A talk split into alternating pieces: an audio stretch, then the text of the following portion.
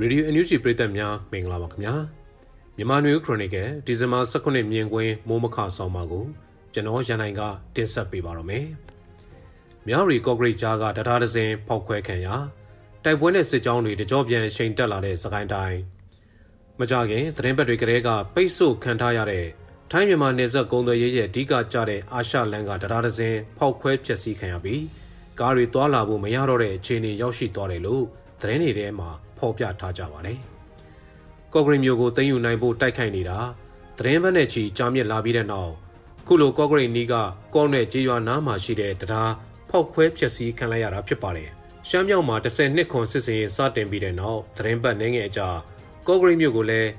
KNL နဲ့ပူးပေါင်းဖွဲ့တွေကစတင်တိုက်ခိုက်ခဲ့တာဖြစ်ပြီးဒီဇင်ဘာလ16ရက်နေ့ထိကော့ဂရိတ်မြို့ကိုသိမ်းယူနိုင်ခြင်းတော့မရှိသေးပါဘူး။မြို့ပေါ်မှာကြန့်ရှိနေတဲ့မြို့ကန်တွေ လက်နက်ကြီးကြီးထိခိုက်သေးဆုံးတာ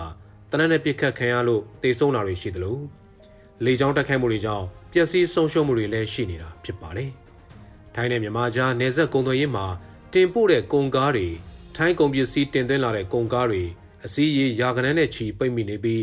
ကားငယ်တွေကတော့ထုတ်ကော်ကိုလမ်းပိုင်းကနေဖန်မော်လမြိုင်ရန်ကုန်ကိုသွားလာနေကြတာဖြစ်ပြီး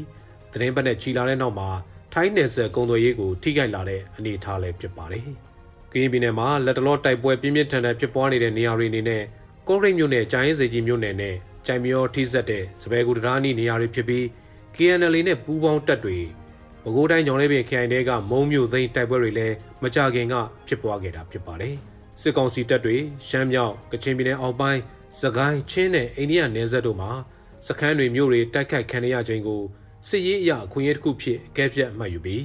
ကရင်ပြည်နယ်ပဲခူးတိုင်းနဲ့မွန်ပြည်နယ်နဲ့ ကရင်ပြည်နယ်အဆက်တို့မှာတိုက်ခိုက်နေတဲ့သဘောလို့ကောက်ချက်ချနိုင်ပါတယ်ဒီအချိန်မှာပဲစကိုင်းတိုင်းမှာလည်းပလဲမြို့နယ်ထဲမှာဒေသခံသောင်းနဲ့ချီထွက်ပြေးတိမ်းရှောင်နေကြရတဲ့တဲ့င်းတွေ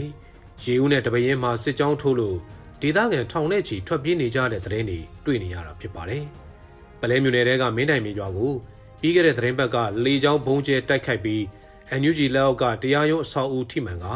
တရားရေးတာဝန်ခံတဲ့ကလေးငယ်တူပါဝင် အခြားဒေသခံ9ဦးသေဆုံးခဲ့ရပါတယ်။ အဲဒီရက်တွေတုန်းကမင်းတိုင်မီရွာမှာစစ်ကောင်စီရဲ့စစ်ကြောင်းမရှိပေမဲ့အနီးနားရွာတွေကိုလှည့်လည်ပြီးပြည်သူ့ကာကွယ်ရေးတပ်ဖွဲ့တွေတပ်ဖွဲ့တွေကိုထောက်ခံအားပေးတဲ့ဒေသခံတွေကိုပြစ်မှတ်ထားပြီးဗန်းစီတာတပ်ဖြတ်တာ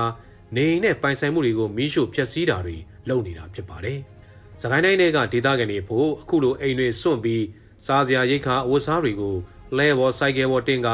စစ်ကောင်စီစစ်ကြောင်းလွတ်ကင်းရာရွာနဲ့တောတွေစီတင်းရှောင်ကြတာ အခုဆိုရင်နှစ်နှစ်ကျော်သုံးနှစ်ထဲရောက်ရှိလာပြီဖြစ်ပါတယ်။ပလဲရမပင်ကဏီကြီးဦးခင်ဦးဒဇယ်အရတော်ဝက်လက်ရွှေဘိုချောင်းဦးစတဲ့မြို့နယ်တွေကခြေရွာတွေကဒေသခံတွေအဖို့စစ်ဘေးတင်းရှောင်ရတာကတကြိမ်မကတော့တဲ့အဖြစ်တွေအချို့ဆိုရင်အိမ်မီးလောင်ပြီးယာယီနေထိုင်ဖို့ပြန်ဆောက်ထားတဲ့နေစရာကိုနောက်တစ်ကြိမ်စစ်ကြောင်းထိုးတဲ့အခါမှာထပ်မံမိရှို့ခံရတဲ့အဖြစ်မျိုးတွေအထိရှိနေတာလည်းဖြစ်ပါလေ။ငကိုးကူကစိုက်ပျိုးရေးမွေးမြူရေးနဲ့ဒေသလိုက်ကုံသွယ်ရောင်းဝယ်လုပ်ပြီး အတန်အသင့်ခြောက်လှန်ကြတဲ့သူတွေ